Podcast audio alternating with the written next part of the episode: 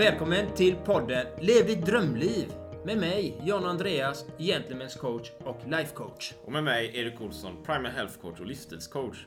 Vi samtalar om livsfrågor, optimal hälsa och äkta rörelseglädje. Vill du veta mer om oss så finns vi på sociala medier samt gentlemanscoach.com Samt på twostrongarms.se.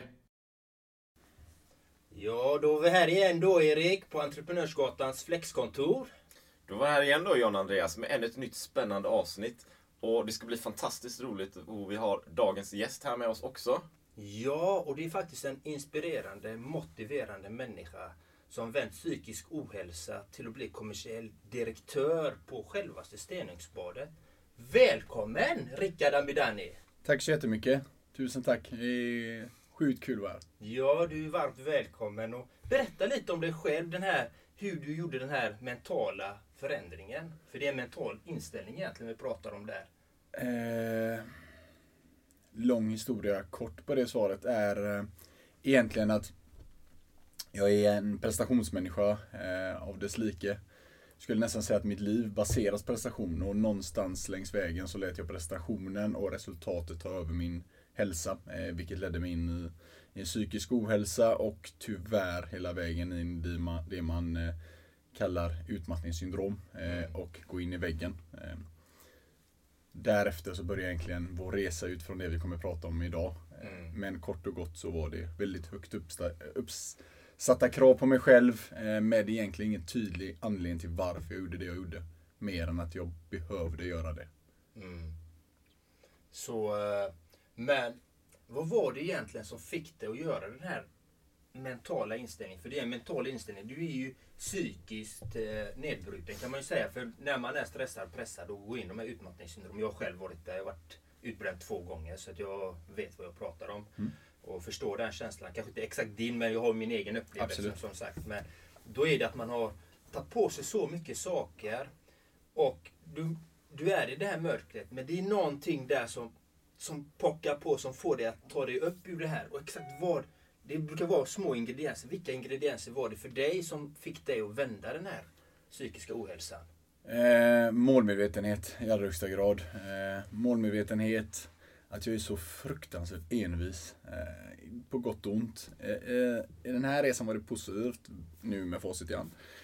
Och även att man jag någonstans har lärt mig längs vägen att älska att läsa böcker. Eh, Så det blev naturligt för mig att beställa alla böcker om KBT, kognitiv behandlingsterapi och sedan därefter verkligen lära mig allting. För jag ansåg det att om, en, om psykologerna och terapeuter där ute någonstans, det de kan har de lärt sig från böcker. Eh, och jag vill studera samma bok för att någonstans se, okej, vad kan jag applicera i min vardag? Vad är min utmaning? Så jag tror det var någon del av den här skammen av att någonstans inte påvisa att jag är svag. Liksom. Jag, jag behöver prata med någon, vilket vi ändå kommer att komma till sedan. För någonstans så bryts den barriären med. Men till, ett första steg var det liksom, nej men jag så grejer det jag själv. Just för att man är så målmedveten och enveten. Att liksom kunna säga det, vet du vad, jag tog mig ur. Psykologi, eller psykolog behövs inget, inte, jag grejer det här etc. Eh, och det kan man till en viss del. Eh, men man inser snart att Ja, okej, och vad gör jag nu? Och då är det bra med professionell hjälp. Men jag bes- beställde väldigt många böcker, satt och läste, jag vet inte hur många, allt ifrån KBT för dummies hela vägen till väldigt eh, komplex KBT och eh, insåg till slut att oj, hur jag än vrider på- det och vänder på det här så förstår jag fortfarande inte liksom hur resultatet har blivit så här. Jag förstår varför vi är där vi är, men jag förstår inte vad liksom själva grunden är. Jag har liksom inte listat ut det. Och där kände jag att jag behöver någon annan människas liksom input i vad är det som faktiskt har orsakat detta från första början. Jag för, liksom, om man ska dra en parallell så förstod jag att det brann. Jag förstod att det har skapats en låga, men jag förstod aldrig riktigt vad är det, vilka två ingredienser som har skapat den här elden från första, första början. Och någonstans var det det jag behövde komma underfund med för att utan det så kan det hända igen. Exakt. Och vad var det då som hade skapat den här elden? Ehm, nu med facit i hand så var det faktiskt Many of us have those stubborn pounds that seem impossible to lose, no matter how good we eat or how hard we work out. My solution is PlushCare. PlushCare is a leading telehealth provider with doctors who are there for you day and night to partner with you in your weight loss journey. They can prescribe FDA-approved weight loss medications like Wagovi and Zepbound for those who qualify. Plus, they accept most insurance plans. To get started, visit plushcare.com slash weight loss. That's plushcare.com slash weight loss. This is Paige, the co-host of Giggly Squad, and I want to tell you about a company that I've been loving, Olive and June. Olive and June gives you everything that you need for a salon quality manicure in one box. And if you break it down, it really comes out to $2 a manicure, which is absolutely insane. It's also so easy to get salon worthy nails at home with Olive and June. The difference between how your nails used to look when you did them yourself and now with the Manny system is a complete game changer. The best thing about Olive and June too is it's a quick dry, dries in about one minute, lasts for five days, and full coverage in up to one to two coats. Visit oliveandjune.com slash perfectmanny20 for 20% off your first system. That's oliveandjune.com slash perfectmanny20 for 20% off your first system. A lot can happen in three years, like a chatbot may be your new best friend. But what won't change? Needing health insurance. United Healthcare Tri Term Medical Plans, underwritten by Golden Rule Insurance Company, offer flexible, budget friendly coverage that lasts nearly three years in some states. Learn more at uh1.com. En, en, en, en stor prestationsångest i form att jag kände väl inte att jag var tillräckligt tillräcklig som människa, om man ska hårdra det så långt. Eh, tjänade väldigt bra med pengar och ytligt sett såg det bra ut men det var någonting i det inre som var liksom, nej. Eh, Och vad det exakt var har det kommit nu fram till att jag hade en dysfunktionell relation till min, till min far som absolut spelar roll i hela den här prestationsdelen. Eh, Men, så det var en grundfaktor som blev utlösande med själva det som verkligen liksom bakade ihop det hela eh, utifrån alla våra sessioner landade i att vi det var, det var känslan av, av otillräcklighet helt enkelt. Eh, Att känna att jag vet, också att man vandrar runt i ett mörker och förstår liksom inte, okej, jag vet inte varför jag gör det här. Nej. Det var ett, ett stort frågetecken. Jag förstår den. Jag hade likadant. I- Alltså, ungefär den här otillräckligheten. Liksom. Jag, jag är uppvuxen i en kärnfamilj. Pappa, mamma och eh, tre syskon. Och jag var ju idrottskillen då på den tiden. Och de andra var ju annorlunda. Eh, Mecka med moppar och såna här saker. Jag är totalt ointresserad. Jag vill inte ens vara handyman. liksom. och, och när jag skulle hjälpa min pappa, han sa det aldrig rent ut men man kände att "Nej, men jag fick bara en chans att göra det här. Till exempel om jag skulle skruva på någonting och då fick, man, det fick jag alltid den här känslan av att Nej, men jag får inte ens en chans. Han ger mig bara en chans. Han visar mig inte utan han bara Nej men det, jag fixar det själv liksom. Och den här otillräckligheten, som du, då sökte man en bekräftelse att jag kan. Ja. Och jag började ju renovera lägenhet, eh, eh, hus själv och och sen när jag var färdig till slut, då när allting rämnade för mig, då insåg jag ju varför gjorde jag detta? Det var för att från min barndom att jag kände att jag hade tummen mitt i handen kan man säga. Och jag ville bevisa för min far, fast jag inte visste om det, precis som du säger. Inte visste om detta. Och det är precis den känslan liksom. Den här otillräckligheten som man behöver jobba med för att komma någonstans i sin inre utveckling. Den är så viktig. Så det var fint att du har kommit fram till den insikten. Jag har det och det var en morgon det slog mig. Eh, Jag är väldigt målmedveten, så, lite som jag var inne på, i alla, eh, i alla områden.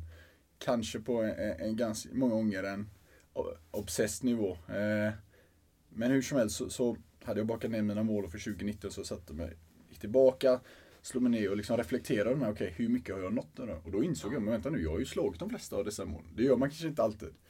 Eh, då var det liksom det kom till mig för att jag insåg att men vänta nu har jag klarat det ekonomiska, jag har klarat det materiella, jag har klarat det, det, det. Och då kom nästa fråga så okej, okej och nu då? Det har ju inte gett mig egentligen någonting. Jag har satt upp ett mål, jag har klarat det. Och nu? Vad gör jag nu? Och då kommer det, det logiska att säga, ja men då sätter du nya mål och eh, så krossar du dem. Ja. Ja, absolut. Fine. Men känslan, själva självkänslan, följer liksom inte med i den processen. Ja, utan den blev mer, det blev som en inre röst som liksom, men min vän, du kan köpa hur många klockor du vill. Du kan tjäna hur mycket pengar du vill. Du kan göra det ena med det tredje. Men med facit i hand så kommer inte det att ändra ditt sinnestillstånd för fem öre. Och när man också ser över det, men kolla hur mycket jag har prioriterat. För jag blev lite så här, okej nu har jag två barn. Eh, under tiden hade jag, hade jag ett då, vilket gör att okej, när jag sitter och liksom grubblar över det här så blir, men om jag har nått alla dessa målen, herregud vad mycket tid det måste ha tagit från en annan del av mitt liv. Eh, och då blir det också någon typ av ångest. Det blir som ångest på ångest. Att, Ja. vänta nu. Och då blir det en till ångest. För det blir så här, men ska jag släppa hela min karriär? Liksom, jag är ju ämnad för det här. Eh, För att inte, så det blir någon typ av, hur ska man säga, det blir eh, kortslutning liksom. Vad gör jag? Eh, och det blir att man inte gör någonting istället. Och då får man en ångest på grund av att man är presta- en prestationsångest, på grund av att man är prestationsmänniska. Precis, så det är liksom så här. Man, man, liksom, man vet inte vad man ska ta vägen. Man, man inser bara att wow, jag prioriterar fel. Eller gör jag det? Ja men det gör jag. Eller gör jag det? Ja men det måste jag göra. Vad händer om jag inte gör det? Man bara ställer sig frågor, man kommer absolut ingenstans. Och till slut så inser man att ja, så här är det. Eller? Ja, jag måste prata med någon. Ja. Det är väldigt märkligt men man känner, det, det är som en labyrint i princip. Man tror att man börjar närma sig slut men man är så långt ifrån att när man pratar med någon liksom, som har en objektiv syn så blir det liksom så här, men, men det här du bör, och så den klassiska, du bör ha kommit tidigare. Ja, absolut. Men någonstans blir det liksom så här, men varför, vart ska jag? Och den frågan ställer ju alla, vart ska jag någonstans? Till sig själva, till andra människor. För någonstans, när man är målmedveten, vet jag ska flytta mig från A till B. Här är B, ett, jag vet inte vad B är. Två, jag vet absolut inte jag ska ta mig till B. Och tre, varför vill jag ta mig till B? Jag vet bara att jag ska göra det. Så det var en tuff period i mitt liv och det satte stopp för väldigt många andra delar eh, när det kommer till, till fysiska aspekter. För jag slutade sova. Eh, jag sov inte en hel natt på fyra månader och det är ganska påfrestande mentalt. Eh, eller det är väldigt påfrestande. Det var allt ifrån ja, men ständig prestationsångest över väldigt, väldigt, väldigt små delar och man tror ju att man är oövervinnlig. Man tror att okej men, för man är ju tyvärr, när man är envis och målmedveten så har man ju kanske inte alltid tänker i superkloka banor utan man tänker alltså ja men Ja, nu går det inte bra. Vad gör jag då? Jag jobbar hårdare. Och det är ju inte genialiskt någonstans med det. Det är ju inte det. Så vi sa, okej. Och det är tillräckligt. Det är inte tillräckligt. Vad gör jag? Jag jobbar ännu hårdare. Okej. Det är inte tillräckligt. Vad gör jag? Jag jobbar ännu hårdare. och till slut så blir det, ja, resultaten kommer därefter. Men eftersom de inte har någon power, liksom betyder ingenting. Så blir det som att du jagar någonting som inte existerar. Eh, och det, så det, det, jag vet inte. Det kändes bara som att jag sprang efter min egen svans i princip. Och efter det så, så small det. Och när den här prestationsångesten, utmattningssyndromet, framförallt även eh, panikångestattacker kom i sömnen, vilket är kanske det värsta jag upplevt. Då liksom började jag landa i att det här är inte hälsosamt. Eh, men det som var det värsta var att jag förstod fortfarande inte vad är det. Två delar. Ett, vad är det som har tagit mig hit? Vad är grunden? Och två, hur länge har faktiskt det här byggts på för att idag utlöses någonstans? Är det här någonting som har pågått i tre, fyra år som jag blundat för? Eller är det någonting som har hänt i en vecka?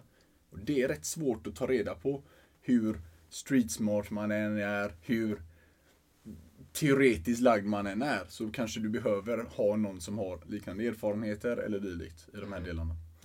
Eh, Så där var min resa i det gjorde att jag gick och med facit i hand så är detta ett, ett långt svar kort. Det som anledningen till varför det small så som det gjorde var för att jag hade ett enormt självförtroende. Men extremt låg självkänsla. Och det bakas in till det, lite det du var inne på John Andreas. Att man vill bevisa hela tiden. Man, be, be, man vet inte vem eller vad man vill bevisas för. Men man har någon typ av bekräftelsebehov och mitt är enormt. Ja. För, min fru brukar säga det att eh, det är eh, Jag har aldrig upplevt något liknande. Nej. Så att eh, det kanske finns en fakta i det också nu med facit. Hur, en, jag blir lite nyfiken här också sådär när, när du är i den här processen och det är utmattning och det är svårt att sova och sådär och sen väggen liksom, smällen där. Vad, vad är det som händer då? Eller hur upplever man det? Eller hur upplevde du det? Eh, fysiska aspekter kan jag säga Ja, direkt. precis. Eftersom jag var väldigt envis så, så var det liksom, nej, eh, det här händer inte mig. Jag tar mig igenom det. Jag går igenom det. Det är inga problem. Men när, när kroppen säger emot, och då menar jag sömnbrist är ett. Mm. Det kan bryta ner vem som helst. Så kan jag säga. Och efter någon vecka, två, tre veckor, då började det bryta ner mig på riktigt. För att jag drömde bara mardrömmar, väldigt hemska sådana om min dotter och massa hemskheter som hände. Så att till slut så satte det mig i ett state of mind där jag faktiskt blev rädd för att sova. Eh, och det är ett rätt effektivt sätt för att bryta ner kroppen. För är du rädd för att sova så sover du inte. Och då blir du liksom eh, halvtokig på dagarna.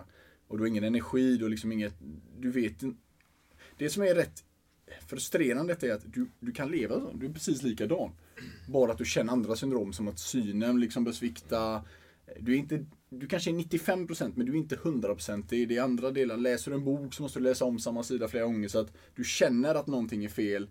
Men det är ändå inte tillräckligt mycket för att du liksom ska identifiera att okej, det är sömnen. Utan du går runt i ovetskapen liksom. Det är, jaha, men det är lugnt. Eh, Jag grejar det här. Jag behöver inte sömn, men det behöver man. Så att de fysiska aspekterna, sömnen var superviktig kan jag säga för att börja min resa för att bryta ner mig. Eh, Och sedan när panikångestattackerna kom. eh, Det var en del, men när de utvecklades och, att, och det skedde liksom i sömnen. Då blev det väldigt, väldigt tungt.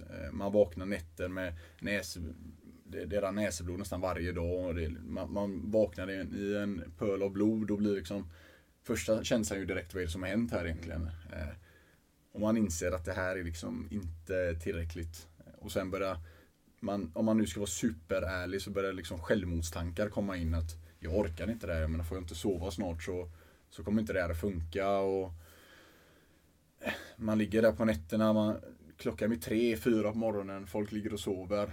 Eh, Men det är, man är helt klarvaken. Eh, man har liksom ingenting att göra mer än att, att ligga och grubbla över sitt liv. Så det, det kändes som att man var frihetsberövad på något sätt. Och då börjar man liksom säga, men hur länge kommer jag orka det här egentligen? Eh, och hur macho man än har varit och hur enveten och, och tjurskall man än är så börjar det faktiskt verkligen bryta ner en kopiöst. För då försvann självförtroendet. Det som alltid varit min reservtank.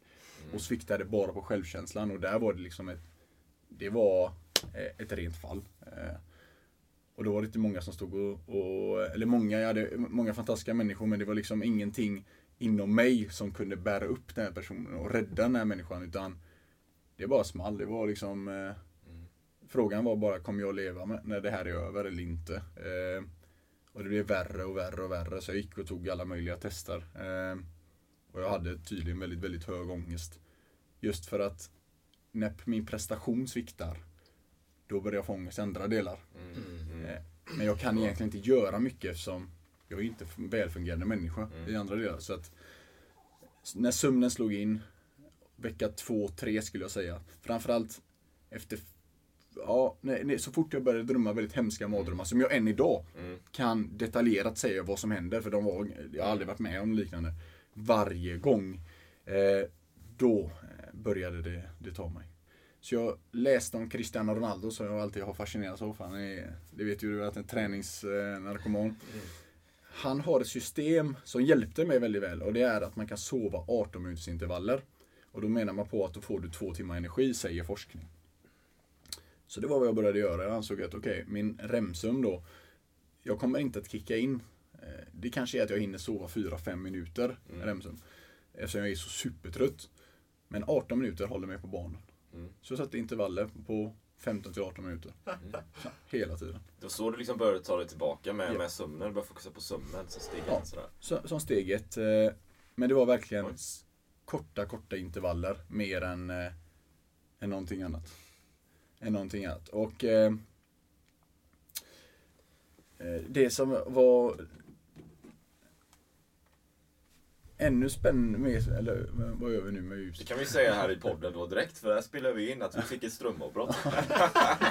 så ljuset Ja, det blev försvann. lite... Det blev väldigt mysigt. ja, jag, det kändes lite déjà vu-aktigt där. Nu är jag tillbaka där jag Var, startade. Liksom. var finns elcentralen här då? Jag är som är elektriker i grund och botten vet du. Ja, Ja, det känns som att du har koll på de här delarna. ja, så ni kan fortsätta babbla där. Jag går och kollar. Hör med dem där ute. Du tar paus på den här då, antar jag. Ja. Ja, det trodde man inte att det skulle in i stan, men det, det ser man. Bara försvann bara, pang. Eh, Någon gång innan. ja, så det är, eh, det var verkligen en, eh, en utmaning. Och sömnen är väl, den ska man inte underskatta, så kan jag säga. Nej, det är det första. Så här, va? När, när- när jag coachar klienter så är det ju du vet, ibland eh, en del, en del är ju stressade så här, så ska de springa maraton och grejer. Och, ja, absolut, du vet. Men eh, ja, så vill de eh, fokusera på träningen så här, för de vill prestera. Mm. Ja, men det är kanske inte är där vi ska börja. tala. Nej, nej, Och så nej. börjar man titta på kosten då. Ja, men jag vill ha med kosten. Ja, men det är kanske inte riktigt där heller vi ska börja. Vet. Utan det är sömnen. Mm. Sömnen är nummer ett. Har du inte sömnen så faller ju allt annat som dominobrickor. Vet du. Precis. Så det är ju där du får återhämtningen, vilan, eh, minnet, hjärnan, liksom reboot allting. Det är Mm. sömnen va. Och, och, och sova ordentligt utan att egentligen vakna utan väckarklocka eller någonting. Man ska ju sova ut. Och det är ju det. Och det är ju REM-sömnen som egentligen är det viktiga. Ja, är ja, hur länge du ja. blundar. Så att när, Ja, den, när, exakt. när kroppen tar det ifrån dig så har du inte så mycket. Alltså, du, är, du är ju chanslös. Ja, det, det är fort, ungefär liksom. som att, Ja, Det är som när man är ute mitt i, ute i havet. Liksom. Du är, Ja. Det spelar ingen roll hur stark Ja. du är. Du kommer att, sjunka oavsett om du vill eller inte. Så ja, precis. det, är, eh, ja, det, var, det, var, det var en tung period. Så Mm. kan jag säga. Och jag har alltid varit väldigt, eh, med, äh, väldigt ärlig nu. att Mm. Innan detta har jag alltid ansett att men, gå in i väggen, vad är det? det är det för arbetsskygga liksom. Man har varit Mm. så enveten. Att, men är det någonting folk hittar på? Ja, Eh, men nu blir, skäms, man lite, eh, skäms man lite att man har liksom sagt det. Men med facit i hand så blir det ändå så här att man vet ju inte vad det innebär. Alltså det är ganska Ja. diffust Ja, eh, precis. Ingen vet, det finns ingen medicinsk liksom, bedömning av om du har gått in i väggen. Utan det är Ja. någonting människor anser att jag är liksom inte kapabel till att utföra mitt arbete. ja. Eh, och när det händer ändå blir man lite så att Mm. oj, är det så här? Mm. Så det kan vara en bra läxa att det faktiskt händer en ibland. För man måste verkligen gå ner på djupet. Man vet väl inte det, liksom, tänker jag. Liksom. Eller, det, det, man, Nej, så när det händer vet du det. på något sätt. När det händer vet du det. Ja. Eh, det kan jag säga. Eh, Ja, när man är inne i det, tänker jag. då, då vet du det i, i allra högsta grad. Eh, då vet du det. För att när det händer så är du helt chanslös. Ja, precis. När kroppen ställer sig... Vi kan säga så hade, hade kroppen inte motarbetat mig Ja, så hade jag gått igenom det. ja, Men eftersom den tog iväg mina egentligen mest värdefulla eh, verktyg såsom Ja. sömn, ja. eh, liksom ett järnkontor och Ja. hela de delarna så har du ingenting. Alltså du, det känns som att du kommer med en sked till en knivfight i princip. Ja, ja. Du, du är Nej, helt chanslös. Ja. Givet. Så.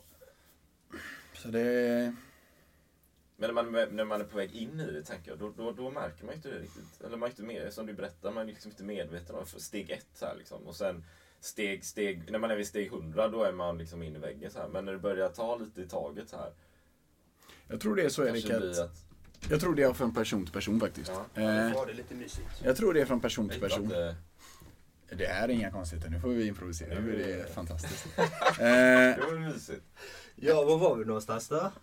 Eh, Jag tror det är från person till person, uppriktigt sagt. För att är man så, jag bör ha sett det tidigare, men jag var så extremt enveten och tjurskallig att jag lät det gå till ett slutresultat. Mm. Men hade man varit lite på tårna och lyssnat på människor, för många män, man ser ju ofta på någon om man inte är hundra liksom. Mm. Mm. Då hade jag kunnat förebygga på ett helt annat sätt. Mm. Eh, Så det finns de som känner av att nu är det, det är någonting som inte står rätt till. Mm. Återigen, det här gjorde jag längre tid innan sömnen kom. Mm. Eh, Jag menar, prestationsångest har jag haft länge. Mm. Men det är ju det. Eh, Jag tror det är från person till person. Mm. Eh, Jag tror alla behöver inte ta det till det maximal som jag gjorde tills det kommer som en våg. Mm. Eh, För då är det svårt att, att parera. Men det är ju det, om du skjuter det under mattan hela tiden så kommer det ju förr eller senare. Mm. Nej, jag känner igen det där med prestation. Jag har ju också varit en extrem prestationsmänniska. Liksom, att eh, ha höga mål och ambitioner och hela den biten. Och jag har ju som sagt gått igenom två utbrändheter Mm. och en tredje gång.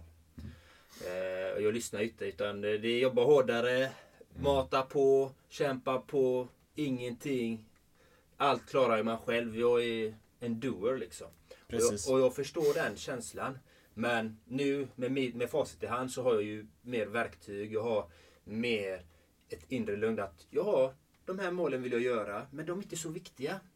Mitt liv har blivit viktigare. Mitt välbefinnande, mitt, mitt inre jag, min autentiska jag, min självkänsla och mina relationer. Att jag ska ha det fint och harmoniskt varje dag. Där är det. Och prestationerna. Jag har mina mål fortfarande, men de är inte så viktiga. De finns där, jag strävar efter dem, jag jobbar mot dem. Men vi vet ju alla som har mål i olika sätt, eh, olika former. I olika former liksom. Alla som har mål, de vet ju att ja, det här ska jag nå. Men det, det är som du säger, känslan när du kommer dit. Du ska ha den goda känslan hela vägen. I Ja. alla områden i livet. Absolut. Det är det det handlar om. För har du bara det målet annars så Många som är prestationsmänniskor, de sätter ett mål till, ett mål till, så bara avverkar de mål efter mål efter mål. Men de är alltid tomma här inne. Korrekt. Och det är den biten som jag jobbar med. Liksom att, att man ska hitta sin självkänsla, sitt autentiska jag i alla områden i livet. Och du älskar ju citat har jag förstått. Eh, Nej, jag tycker om det har någon power bakom det. Ja. Eh, inga klyschiga citat utan någonting som liksom jag kan applicera och känna, okej, djupt. mm. Då gör jag det. Men eh, det finns vissa jag tycker det är så, eh. Nej men det är ju, det- allting är en smaksak. Så Allt är en smaksak. Vad har du för favoritcitat då? Jag har två. Eh, ett från Bibeln. I will walk by faith even when I cannot see. Och det andra från Bibeln. I will do everything through Christ who strengthen me. Så jag kan göra allt genom Krist som stärker mig. Eh, och det är någonting som alltid tar mig igenom eh, min utmaning. Så det, det är ett ma- mantra jag använder när jag ställs inför en rädsla. Eh, vilket jag gjort min nuvarande arbetsliv många gånger. Jag menar det är varje dag är, är inte det andra lik. Så man vet aldrig liksom vad man går in för, för lejongap. Och då Nej. måste man vara någonstans inse att okej, det som kommer kommer. Men eh, jag kan göra det. Jag har kommit hela vägen hit så att jag fortsätter framåt. Eh, vad som än ställs framför mig. Så att det är någonting som, som jag håller fast vid. Sen finns det många andra i andra delar. Den strategiska och taktiska delen. Då är det helt andra citat som jag efter, efter eh, som jag tycker om. Men de två känner jag egentligen är jag då. Eh, Att jag går fast jag inte ser. Och vad innebär, innebär det? Jo, det innebär att jag tror på mig själv, jag tror på min resa, jag tror på processen. Eh, jag tror på min kunskap eh, och, och, vad- varför jag är född till att göra saker. Att jag brukar säga det på, på skämt att i min värld så är jag den bästa som någonsin levt. Eh, och inte bara nu utan någonsin. Och Då, då brukar andra skratta lite och säga ja, det, eh, det är ju inte så ödmjukt sagt, vilket det säkert inte. Men jag känner att jag behöver tro det ibland för att kunna gå igenom det. Och lite så innebär att vare sig det är sant eller inte så går jag med den, eh, med, med det tankesättet hela vägen. För lite som, som en fotbollsspelare som John Guidetti som jag tyckte om var att om inte du tror på dig själv, vem kommer jag annars göra det? Precis, så enkelt är det. Så det tycker jag, eh, den har jag faktiskt tagit med. Det, det får man gärna. Ja. Så John, om du lyssnar på det här så bra sagt. Bra Guidetti, Guidetti. Kanske blir Bra vår nästa poddgäst. Kanske, kanske. Nej men det, det är intressant det är med citat. Jag jobbar ju med att ta fram ditt innersta citat. Mm. Och ditt eller mitt då liksom. Och som, du, som man kan använda i alla områden. För den, den omfattar alla områden. Precis alla områden i ditt liv är det den omfattar då egentligen. Mm. Och då kan du applicera det precis allting. Även i arbetet, din relation hemma, med dina föräldrar, med vänner, med val i livet. Då räcker det med ett citat. Du behöver inte ha flera, för den är din citat. Den är från Rickard Amidani. och det, det, är- det, det är faktiskt en väldigt... Du vet, jag, jag har ju den själv liksom. Eh, Jag hade inte den innan. Men ändå, då hade jag ändå hittat mitt innersta jag så att säga. Men jag fick det här verktyget att faktiskt, fick det på ord, att faktiskt ha min eget citat. Bam, det här är Jan Andreas, bam. Wow, och det här kan jag använda i allting. Och det blev, blev så mycket enklare. För att när du har ditt inre jag, ditt citat, ditt syfte. Allt annat som inte hör till ditt syfte. Och det här är hela livet jag pratar om. Det. Jag pratar inte bara om ett visst mål utan det är hela livet. Det, det blir som att du är som en and och du får vatten så det bara rinner av så att du bara fortsätter rakt fram. För att allt annat bara rinner av hela tiden som är inte i relevans med ditt egna citat. Det är det som är det fina. Då utmanar jag och frågar er då. Vad är, vad är era favoritcitat eller mantra? Vem är det Erik? Det Jag får ta och suga lite på Ja, det. det Jag har, jag har ett i och för sig, men jag, jag kommer inte på det just nu. Ehm, jag får klämma lite på den. John Andreas, ta... Jag tar ju mitt egna livssyfte. I'm free, I share my love and happiness with all beings.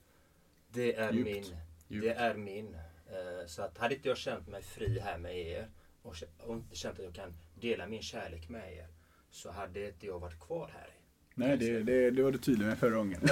det var lite fascinerande. Jag tänkte det. Ja, ja, så, tänk om alla var så raka. Det tycker jag. Ja, nej, men det, det är ju så. Men jag, jag behöver inte alltid yttra det på det sättet. Jag kan ju säga till exempel om jag känner att eh, Rickard i det här fallet inte... Eh, att han validerar de här, mitt inre jag med de här. Då hade jag kanske sagt bara till Rickard så här, men Rickard. Du är, verkar vara en jättetrevlig människa. Du har fina egenskaper och så men eh, jag får avlägsna mig här. Jag har lite andra åtaganden att göra. Mm, mm. Eh, och ha förståelse att vi kommer inte, alla kommer inte tycka om en. Och alla kan inte vara ens vänner. Det är så enkelt det är det. Så och, är det. och vara tydlig och klar, det har ingenting med personerna att göra utan det, det har med att så är det. Alla, alla kommer inte tycka om Rickard, alla kommer inte tycka om Erik, alla kommer inte tycka om mig. Så är det.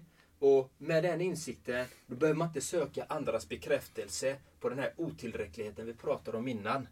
För då har du din egen tillräcklighet hos dig själv. Det är den som är så vacker. Att du Mm. känner din egen tillräcklighet. Så där är mitt favoritcitat och du fick en liten, ni fick en liten fördjupning på den, hur jag ser på det. Ja, men det var Det är eh, bra, det är bra. Tydligt och bra. Tydligt Ja. och bra. Och väldigt har, djupt. Jag har faktiskt ett, men jag fick fuska lite. För Ja, jag fick det- det är eh, okej. googla upp det Det är här helt citatet. Då. Men, men det har en liten story också. För när jag började bygga min verksamhet och business så funderade jag, har jag något citat eller vad vill jag skapa? Hur kan jag göra det? Så här, då hittade jag ett citat som jag satte upp på fönstret. Så det har jag faktiskt bredvid datorn och det har suttit där i tre år kanske, eller två år någonting. Okej. Så det ser jag ju faktiskt varje dag då. Men jag fick kolla upp det här för Ja, det är okej, okej. då. Men det är faktiskt från Einstein. Eh, Do not try to become a person of success, but try to become a person of value. Fantastiskt. Mm. Fantastiskt. Jag tycker Och- det statutet är, nej, det är världsklass. Ja, och det, och det är ju alltså... Vi kan ju försöka skapa resultat och gå i action och massiv action kanske och sådär. Men egentligen kan vi, kan jag på något sätt bidra med värde till andra människor. Det är ju där det ligger.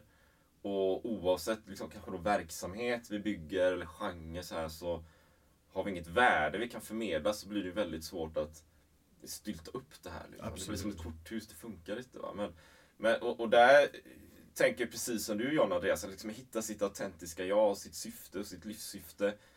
Och precis som du också då Rickard, att, att vi, vi, vi är oss själva liksom. Vi kan ju bara vara oss själva, vi kan ju inte vara någon annan. Vi kan ju bara vara 100%. Vi är ju tillräckliga som vi är, det är ju fantastiskt. Det är vi. Vi, vi är unika, vi är perfekta som du sa. Du, du tänker att du är bäst, att du är den bästa. Och du är det. För du är den, du är den enda Rickard Amidani på hela den här planeten. Det finns bara en Rickard och du är... Även på hitta.se faktiskt. Det har jag googlat upp. Så. Ja. Det är så? Ja, det jag. fantastiskt. Ja, fantastiskt. Nej, men liksom, du är, du, bara där är du unik. Bara där är man en vinnare. Alltså, vi är unika varelser. Vi har speciella förmågor, speciella gåvor som vi har, som vi kan använda oss utav. Du kan göra det på ditt sätt, Rick, Erik gör det på ditt sätt och ni som lyssnar gör det på ert sätt. Det är så det är. Och, och faktiskt värna om det. Och inte jämföra sig med någon annan och, så att man känner sig sämre eller bättre. Utan okej, inspireras av andra. Det är jättebra att göra och motiveras av andras handlingar. Men var ditt egna jag och sätt ditt egen ribba vad du tycker om att göra och ha den därefter. Man behöver inte, alla är ingen Zlatan, alla är inte det. Zlatan gör sina saker jättefint och han är grym på det han gör. Inspireras av det hans, om du är fotbollsspelare, inspireras av hans rörelsemönster, titta på dem, men gör din egen grej.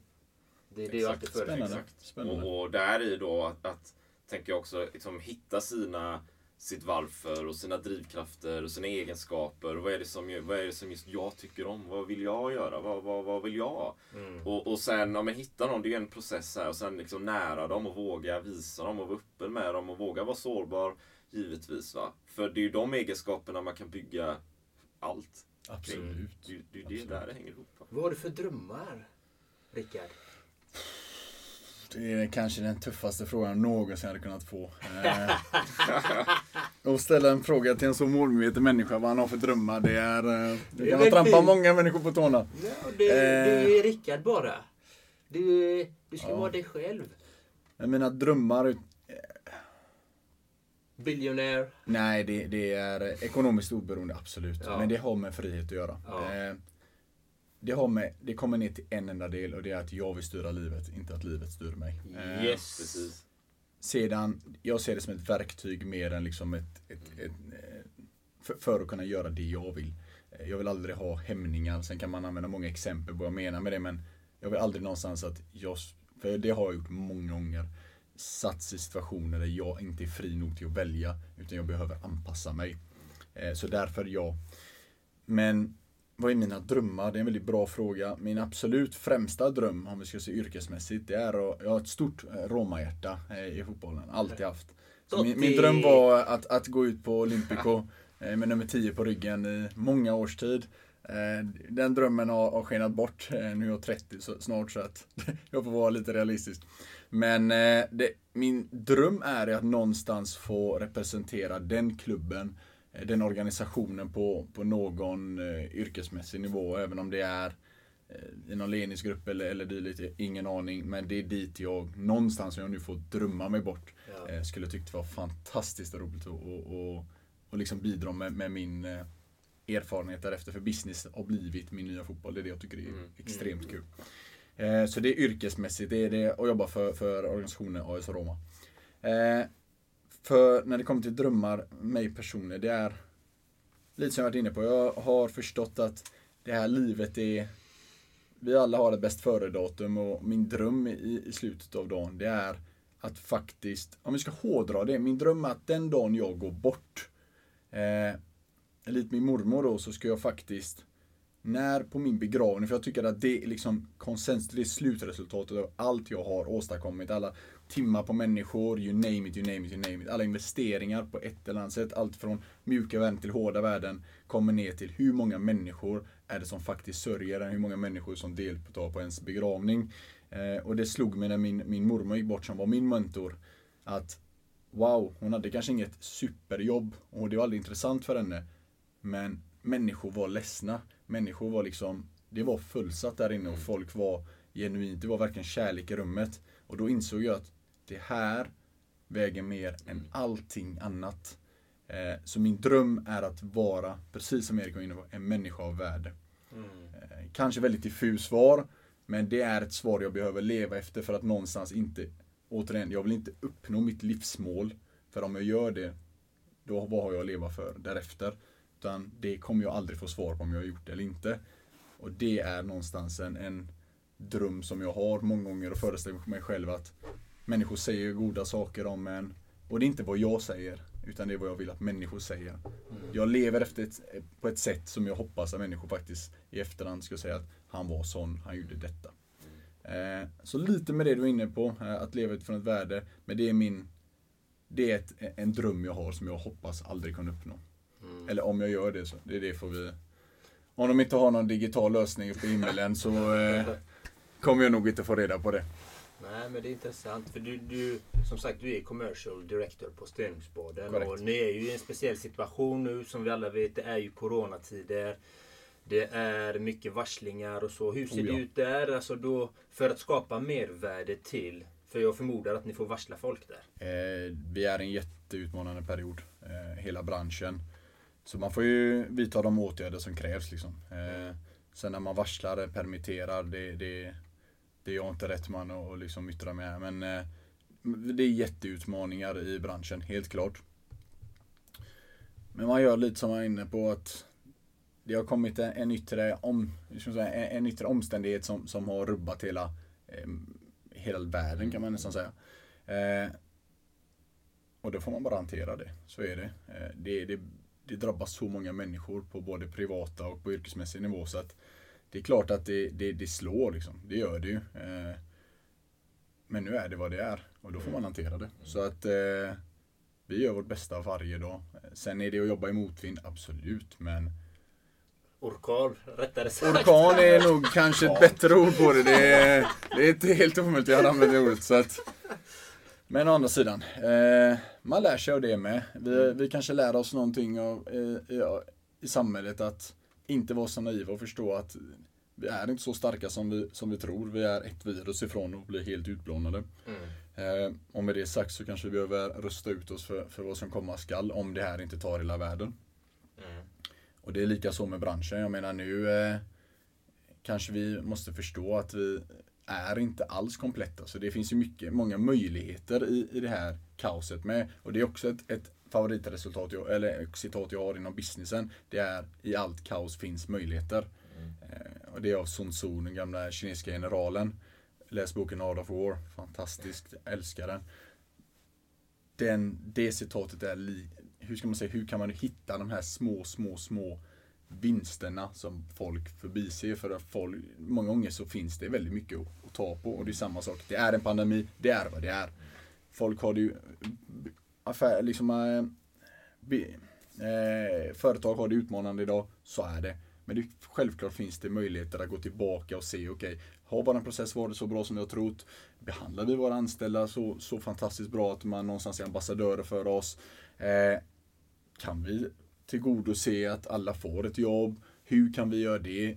Det ställer så många frågor som man behöver liksom gå till botten med. så att Det är klart att det finns fördelar i det också. Men ja, det är en tuff tid. Och det är bara att, att försöka hålla näsan ovanför vattenytan. Jobba, och i det här fallet så är det jobba hårt, jobba smart. Mm. Vad gör en commercial director på Stenungsbaden? Vad är det för arbetsuppgifter typ? Eh, oj, herregud. Ja, det är eh, intressant att veta. eh, jag är kommersiellt ansvarig vilket innebär att egentligen alla de delarna som berör intäkter på hotellet, jag skulle säga alltså marknadsför den digitala delen men även de operativa, hur kan vi liksom effektivisera allting? Alltifrån om du kommer in i receptionen, finns det något utbud som vi kan sälja till dig där? Eh, eller inte, hela vägen ner till spat. Hur kan vi liksom effektivisera den i, i, ett, i försäljnings, den försäljningsprocessen i själva gästresan? Eh, det är en del och sen är det digitala, att driva dit människor som har någonting att jobba med liksom inhouse. Eh, så allting ska jag säga att jag lägger mer än 80%, kanske till och med 90% av min dagliga tid på de här 20% som ger eh, revenue-delar, alltså det som ger intäkter. Mm. Så att eh, allting som berör hotellets välmående i liksom in, i, inkomst skulle jag säga är min eh, mm. och även när det kommer till varumärkesbyggande mm. mm. Eh, så är eh, det min, min, eh, min främsta uppgift. Ja, det har du gjort bra hittills. Tack ska du ha. Tack ska du ha.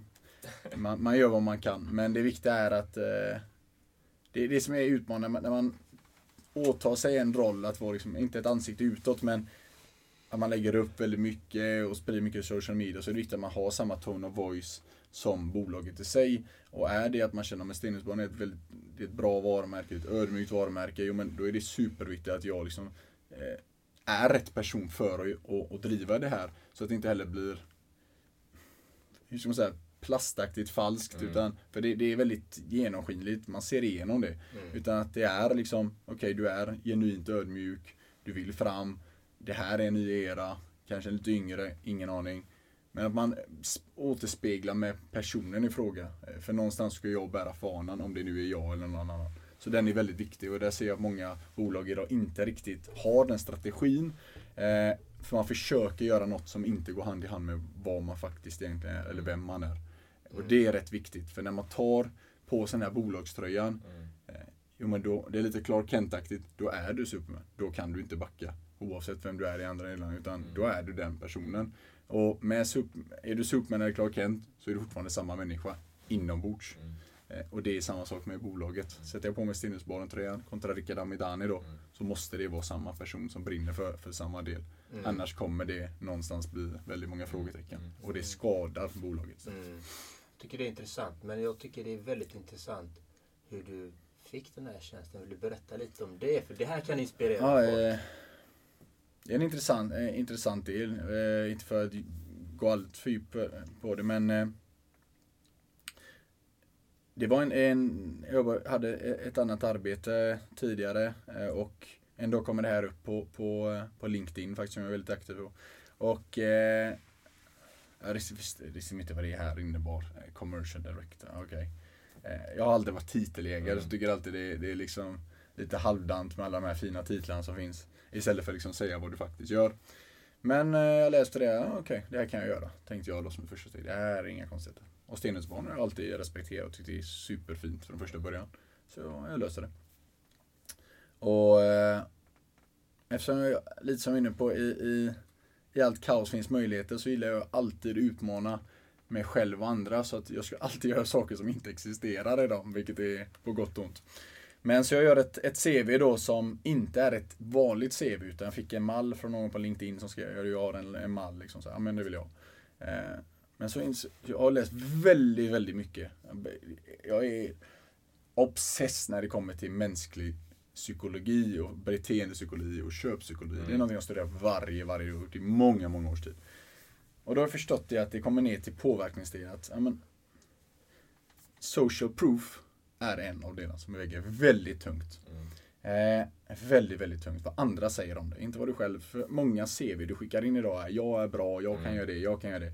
Men det ger inget värde till bolaget. Ja, du kan göra det, men det är helt irrelevant för mig. Eh, så jag ändrade aldrig, jag pratar aldrig om mig själv, utan bara vad jag kan skapa. Vad, liksom, vilket värde jag ger. Men aldrig i jag-form, utan mycket i, i andra delar. Men så gjorde jag så att jag har många referenser på LinkedIn då. Så jag klistrade in dem, kopierade dem i mitt CV. Som var, såg väldigt eh, ooriginellt ut, så kan vi säga. Och, eh, eller otraditionellt, så kan jag säga. Och skickade det här och fick ett, en snabb återkoppling. Eh, Okej. Och därefter tog jag mig in eh, genom att vara väldigt målmedveten. Att jag skulle ha mina, min 10 minuter. Liksom. Det var, eh, och det var direkt på bollen. Det var inga konstigheter. Det var verkligen. Eh, jag har alltid trott att när du söker jobb så måste du ringa och pitcha. Eh, för där gör du det andra inte gör. Där flyttar du dialogen från liksom ett rationellt state of mind till ett emotionellt. Så det är det jag gjorde. Jag fick min intervju. Eh, nu är personen från min mentor så att, eh, och han är fantastiskt slipad. Så det är kul att få liksom, den här feedbacken i efterhand. Det gör mig väldigt stolt. Eh, att, ja, jag, jag, jag kör ju min pitch då. För jag har ju, liksom, jag har ju sålt i många år så jag vet hur min process går till. Skillnaden, nu ska jag inte sälja någon tjänsteprodukt, nu ska jag liksom sälja Rickard Amidani här till att jag ska bli, och jag vet att det är väldigt många kvalificerade kvalificerade människor som, som, som kommer att eh, söka den här tjänsten. Men jag gör det att eh, jag kör min pitch. Eh, och jag känner klassiska, om vi når i mål med de här delarna så är det något hinder. Och, han är så slipad så han ser igenom de här delarna. Men jag tror han ändå uppskattade det att, ja ja, det, han går rakt på sak den här unge mannen liksom. Så jag går rakt på sak och efter tio minuter så, så ja, eh, hur kändes det från mig själv? Jag vet inte, för han, min mentor är så extremt jag brukar säga det till honom att han är så svår att läsa. Jag brukar vara ganska bra på, det är min fördel att jag kan läsa ansiktsuttryck. Här fick jag ingenting, så jag var helt black liksom. Det kan gått fantastiskt bra, men det kan gått riktigt, riktigt uselt med. Ja, ja. Eh, vet du vad? Jag kan inte sitta här och, och grumma, tänkte jag. Så jag ringer ett annat jobb. Så, och så tjatade jag på den här vdn. Fyra gånger fick jag ringa upp honom. Den andra då. För jag vill ha två processer igång. Och eh, till slut så, han sa nej, han, flera gånger, ah, nej jag kan inte prata och så vidare. Till slut han bara, och ringde han på påsk då, den andra. Ja du, eh, jag behöver fem minuter nu. Ja okej. Och så pitchade jag. Och så han sa, ja det har jag aldrig varit med om. Ja, du, du får en intervju. Eh, liksom skrattade han bara. Det är på påsk. För, det var så exakt ett år sedan ungefär. Ja, jag ska ha min intervju. Så är det bara. Så att eh, jag fick min intervju och då hade jag två processer.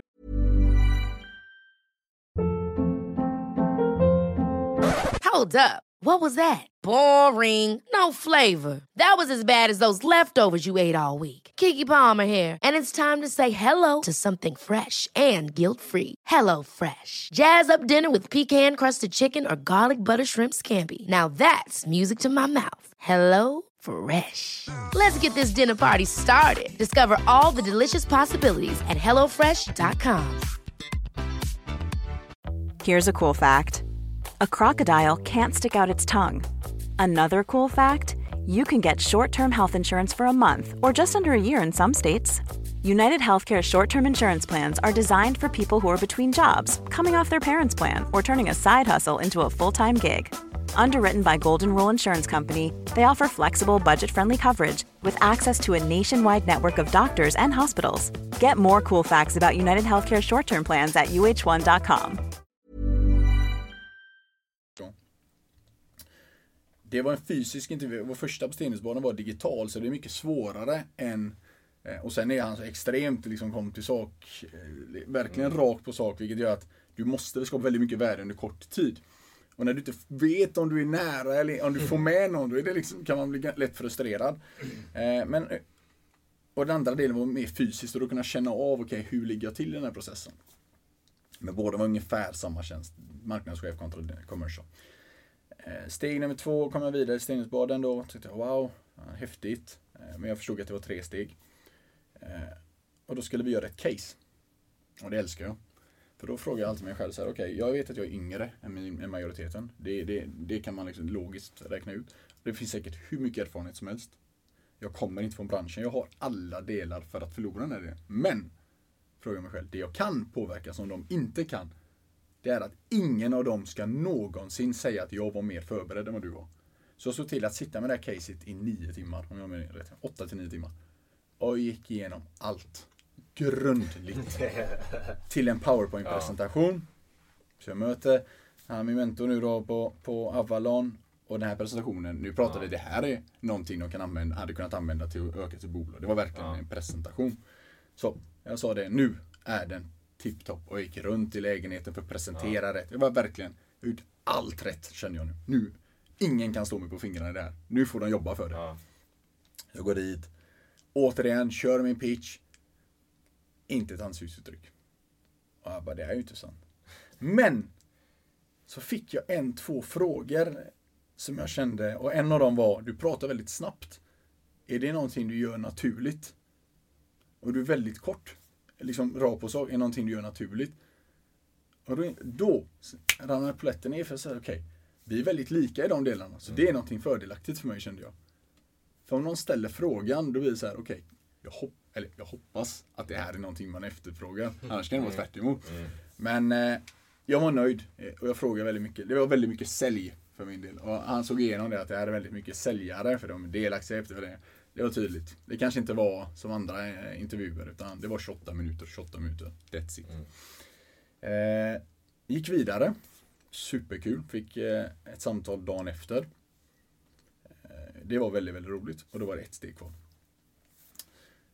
Eh, den andra då, han såg aldrig mitt CV utan där ringde jag och tjatade in mig då. Mm. Så att gick igenom till sista intervjun där med.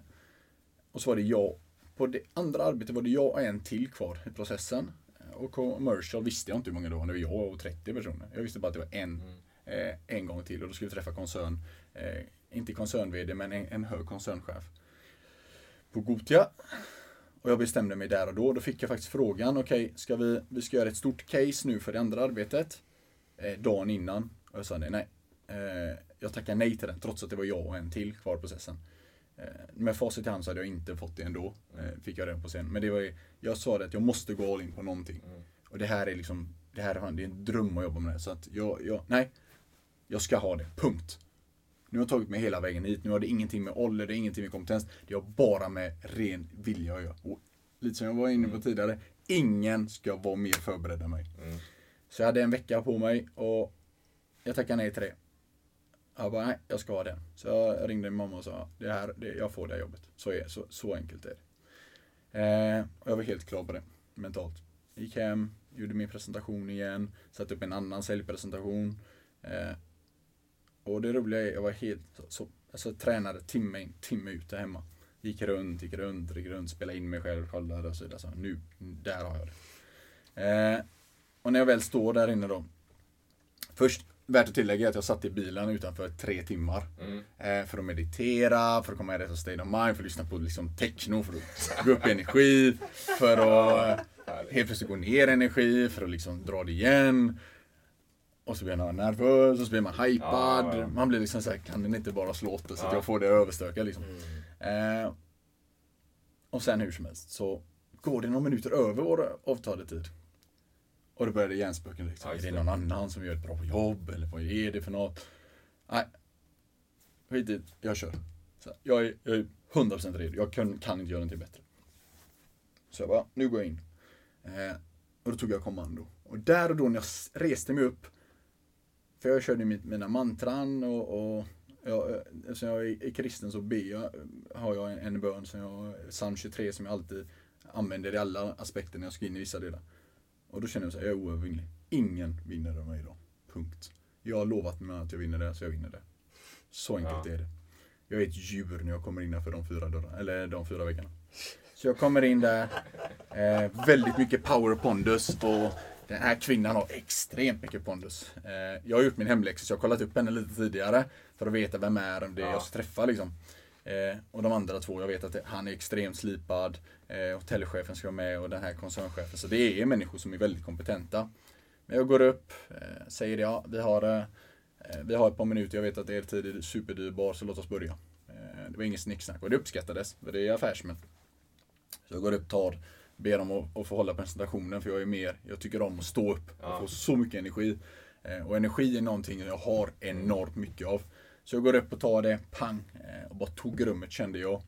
Och var helt fokad. Det var som ett säljmöte men här var det liksom, det kändes där och då att det här är mitt liv på spel. Ingenting får gå fel. Så jag var ett monster där inne och sen kapade, eh, jag kände verkligen att idag var jag ett monster och vi kapade av det efter 15 minuter för hon behövde gå, den här koncernchefen. Eh, hon var väldigt snabb på beslut. Eh, och det visade sig sedan jag försökte sälja in mig själv till hotellchefen. Det var mm. det kanske lite mer översäljning än vad som behövde, var nödvändigt. Men nu blev det så. Och eh, eftersom jag inte får med ansiktsintryck så kan det bli lite såhär, jag måste få mm. veta om jag vinner mm. eller inte. Liksom. Eh, och därefter så fick jag eh, en fråga, okej okay, har du några referenser? Liksom? Och då har jag en del som, ring dessa. Och då kände jag, okej okay, nu är jag nära. Nu är jag nära. Ja, jag ska ha det. Jag ska ha det. Så att eh, jag gjorde det som, som man brukar göra när man är, är, är kristen och nervös. Man ber för att det ska hända. Mm. Eh, och det gjorde jag. Jag fick samtalet och, och eh, då fick jag arbet, jobbet, vilket var sjukt kul. Eh, det var tårar i ögonen. Jag var, jag var verkligen stolt över mig själv. Jag hade slagit ut väldigt många eh, kompetenta människor. Det som det visade sig sen i efterhand när vi har pratat mm. de här coaching-sessionerna var att jag var den enda som var ensam i steg tre. Mm. Eh, så jag hade ingen konkurrens. Jag slog ut alla i steg Aha, två. Okay. Vilket var fantastiskt roligt just ja. för att jag fokade alltid på värde, inkomst, ja. värde, inkomst. Jag vet att det är det mm. som skapar. Mm. Eh, och det var sjukt kul. Men när vi gick igenom det med varför fick jag en intervju för första början. Ja. Då sa man det. Ja, det var ditt CV. Som var väldigt annorlunda kontra alla andra jag har sett. Mm. Och det gjorde att det var intressant att ta det vidare. Och sen hade du liksom en sån, sån mål medvetenhet. Och jag var väldigt tydlig när jag fick frågan. Så här, ja, men, jag fick ju utmanande frågor. Jag sa jag är bäst i på den här planeten. Så att, och inte ta mig ett tjänstefel. Det är tjänstefel. Mm. Så säker var jag i mig själv. Eh, och det gjorde att jag fick arbetet. Så att eh, det var en resa och det var, eh, det var, det var kul. Ja. Vad säger det var kul. Ja, det var, jag får lite det. Ja, det var mycket nervositet i den visa. Inspirerande. Ja, det var... Eh, jag la fokus på det jag kunde påverka och det var att ingen i den här processen kommer att lägga den tid eller energi. Mm. Mycket värde där för lyssnarna tror jag. Det var nog väldigt, väldigt mycket värde och inspirerande för lyssnarna. Ja. Lätt alla gånger. Det är fantastiskt. Det, det är ju det som är så viktigt. Det är att lyssna på människor som faktiskt tar sig upp ur psykisk ohälsa och ändå som klarar av det och så är strukturerad, målmedveten med vad man vill. Och det går med målmedvetenhet att lyckas med så himla mycket bara man strukturerar oh ja. upp allting och så här. Oh ja.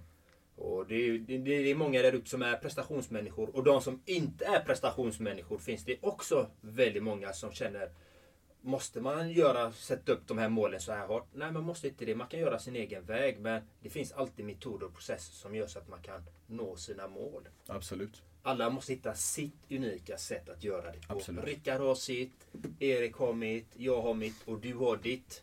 Så att det här är för att ni ska bli inspirerade. Att ni ska hitta metoder och processer som får er att ta de stegen ni ska ta. Absolut. Det är därför vi har bjudit in den här fantastiska Rickard Amidani Tack så jättemycket. Tack. Så att, eh... ja, jag har en, en fundering till. Så här. Mm. Shoot med din story om utmattning och väggen och målsättningar och resultatorienterad och, och världens pitch och, och komma i mål med det och gå in på stenungsbaden och verkligen uppnå det. Hur, hur tänker du idag kring den optimal hälsa? För du måste, ja, tänker jag. Hur, hur tänker du kring det? det var den För välmåendet här. Det var den frågan jag inte ville ha. det är det vi jobbar med. Ja. Erik, jag förstår varför du är en slipad coach. Eh, ärlighetens namn så har jag tyvärr fallit tillbaka lite i, inte i gamla banor, men, men det här att man jobbar väldigt mycket och liksom inte, kanske inte tar hand om sig själv hundraprocentigt.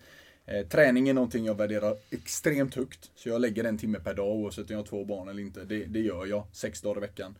Maten kan jag ärligt säga att det har jag aldrig. Tyvärr, det kanske hade varit fotbollsproffs idag om jag inte hade tyckt om pizza och pasta så extremt mycket. Men eh, där, där, där säger jag okej, okay, det är min belöning. Eh, de här, liksom kunna käka vad jag vill.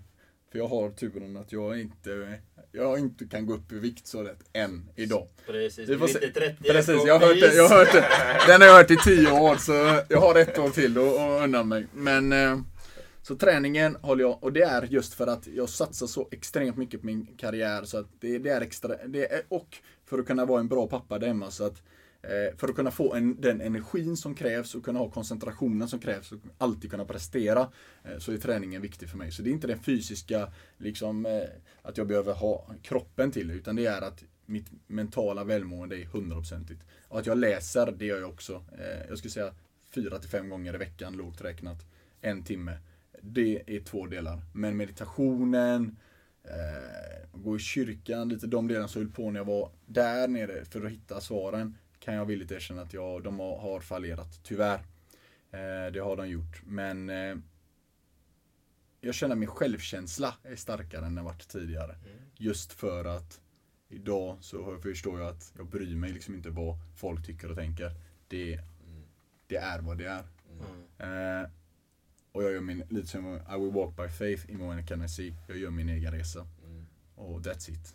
Mm. Precis, precis. Och, och, vi tänker ju då, båda John Andreas och jag, så här, liksom mycket på helhetshälsan då såklart. Så mental hälsa är ju hur viktigt som helst. Ja. Och, och, och, en del av den, så här, kroppen är ju en helhet, så vi har också träningen, så du är inne på en timme om dagen. Kosten, vad man äter, stoppa i sig, hur man mår av det. Men också stresshanteringen, det är ju hälsa där med. Absolut. Och sömnen, som du var inne på innan. Och, och, arbeta med den och se till så att den är bra. Men sen har man ju andra grejer. Så här socialt, så här sociala sammanhang. Man är i en miljö där man trivs, en gemenskap. Hur viktigt som helst. Absolut. Och lek och såna grejer som man sällan tänker. Vadå lek? När jag, när jag pratar med mina klienter ibland, jag tar bara, men lek är väldigt viktigt. Vad menar du då?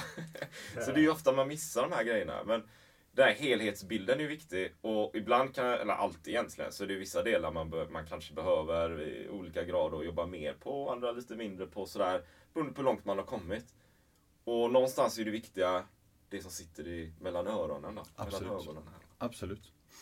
Och jag tror likt träning med allting så är det en, en muskel. Du tränar ja, muskel. allt. Eh, och det är, när jag får frågan liksom, hur har du kommit långt? Hur, liksom, du är bara 29, du är det jag brukar säga att jag tränar mer än alla andra på de här delarna. Eh, det är egentligen svaret.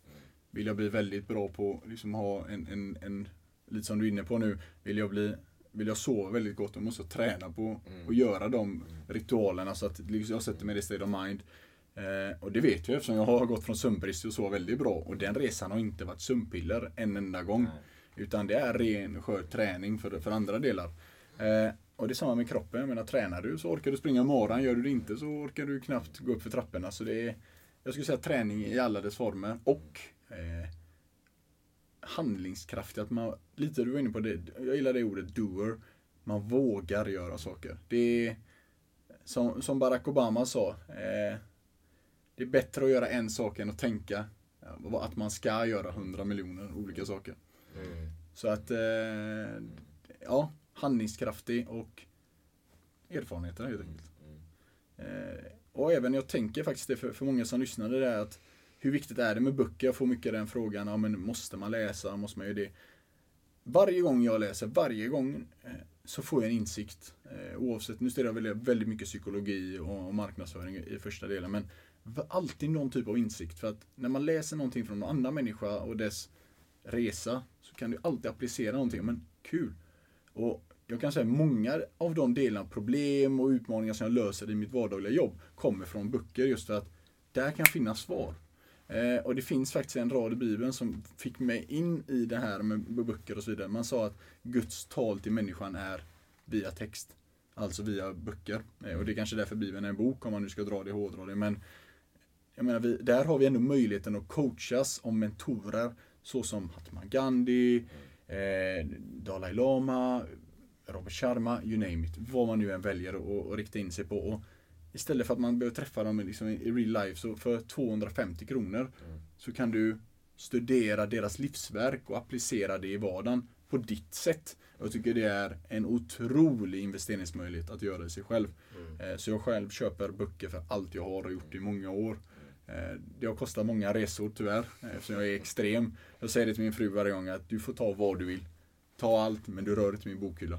Eh, och det är kanske det enda som är mitt där hemma också. Eh, men det är det viktigaste jag äger i, i mångt och mycket, för det är inspiration, det är tankegång, det är utveckling, det är så många olika delar och så många människor som har gjort resan långt innan mig.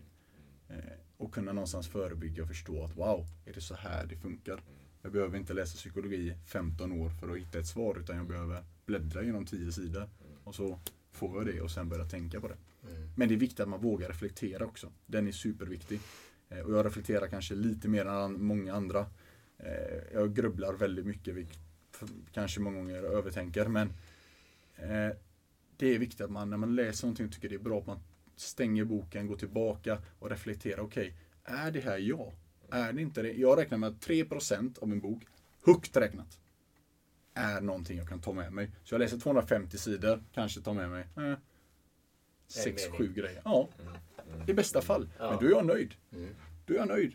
Och har jag inte kommit, fått något värde av kanske 50 sidor, då brukar jag säga nej, det är inte för mig Nej, någonstans. Men eh, det tålamod har jag tyvärr inte. Men eh, det är viktigt att man förstår att och faktiskt riktar in sig på vad vill man ha svar på idag. Och det var lite delen i, i den psykiska ohälsan, att jag förstod att det finns faktiskt praktiska sätt att ta sig ur det här. Man behöver inte eh, göra extrema resultat utan det räcker med små, små, små alltifrån att bädda sängen. Det kan vara en jättevinst idag. Och det här har jag lärt mig av mentorer såsom bland annat min favoritförfattare Robin Sharma som har gjort eh, boken som jag älskar, eh, Munken som sålde sin Ferrari. Ja, Det var min första, en av de första böckerna jag läste. Ja det är det jag tänker på när jag Ja. tänker på Munken sålde sin Ferrari. Lite så. Ja. Det är en av de första jag läste faktiskt. Eh, Fick den av min exfru för vad var det, 2007 kanske. Något sånt där. Det var den första då. Eller den första var egentligen med Donald Trump. Men, Oj. men, men, han beskrev ju mer då hur han eh, blev framgångsrik i business då.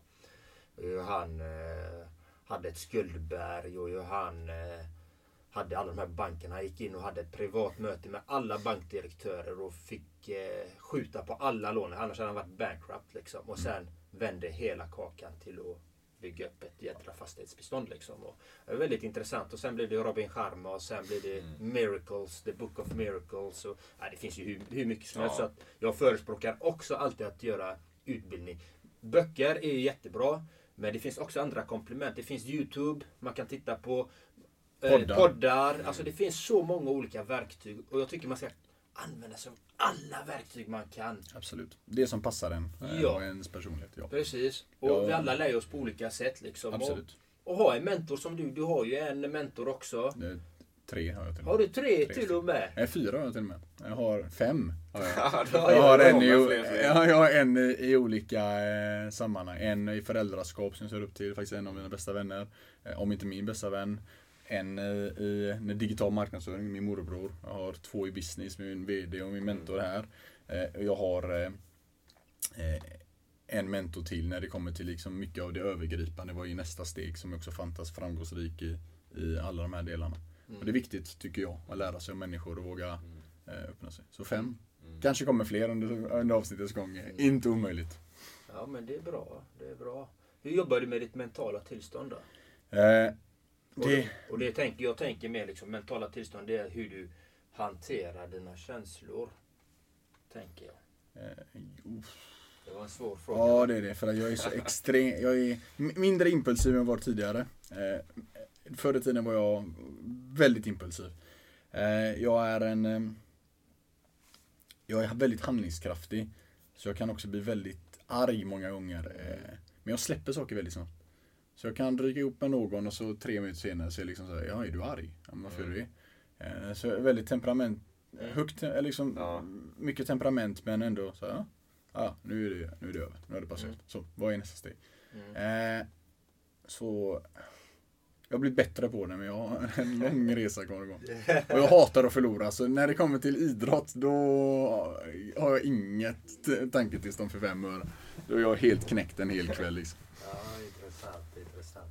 Men eh, din optimala, hur ser du på optimal hälsa? Med din, alltså, hur ser du på optimal? Han frågar ju den frågan med optimal hälsa. Vi är ju väldigt mycket för det fysiska kroppen, det mentala och din själsliga bit, din spirituella jag eller din självkänsla. Vi kan kalla det Mm, mm, vad vi vill egentligen i den frågan. Eller att vi har Gud inom oss kan mm, man också mm, säga. Absolut. Hur, hur mycket är det någonting du missar i den här biten emellanåt? Förstår du vad jag menar? Oh ja, oh ja. Eh, för att jag ska må så bra som möjligt tror jag på Robin Sharmas sjustegsmetod. Alltifrån ja, men, läsa till, till träningen, till att äta rätt, eh, till att sova rätt, till, you name it, till eh, vad är det mer det är? Reflektion är en del. Eh, och meditation. Det är de sju delarna. Jag skulle säga att meditationen missar jag så enormt mycket. Jag har en planet i min kalender varje Ja, dag. Att det är ja. nästan, jag är nästan förbannad på mig själv. Det är liksom så här med 10 minuter headspace. Men nej. Eh, och jag är inte sponsrad av headspace. Jag tycker det var bara en bra app. Eh, men det faller mellan stolen för att det är inte viktigt, vilket är helt fel. För att lite som han är inne på där att om du, det finns också ett, ett nu när det kommer till det mentala, jag måste säga det, ett citat som går efter från boken eh, Munken sålde sin Ferrari att att inte ta hand om sin hälsa och säga att det är för, inte är tillräckligt viktigt är som att köra, köra och säga att man, eller liksom fortsätta köra utan tankar. Förr eller senare så tar det slut. Eh, det kanske inte är exakt så på orden, men det är i alla fall det jag tar med mig. Eh, och det, och det, så många gånger blir jag liksom såhär, men allvarligt talat, hur kan jag missa det i 10 minuter? Vad har jag gjort som är så superviktigt som här då? Eh, men det faller mellan stolarna tyvärr. På kosten, uppriktigt sagt Erik, jag har gett upp. Eh, det, det, nej, jag älskar pizza för mycket. Eh, det, det, jag, jag gillar pizza för mycket. Och det finns, nej, jag till och med, jag har rannsakat mig själv nu när mycket träning och försöker äta bra och så men nej, nej, nej, nej. Det har jag sagt det. Jag kan lägga allt på is, jag gör allt. Men när det kommer till att äta det jag vill, that's it. Det, nej, nej, det, det finns inte en chans.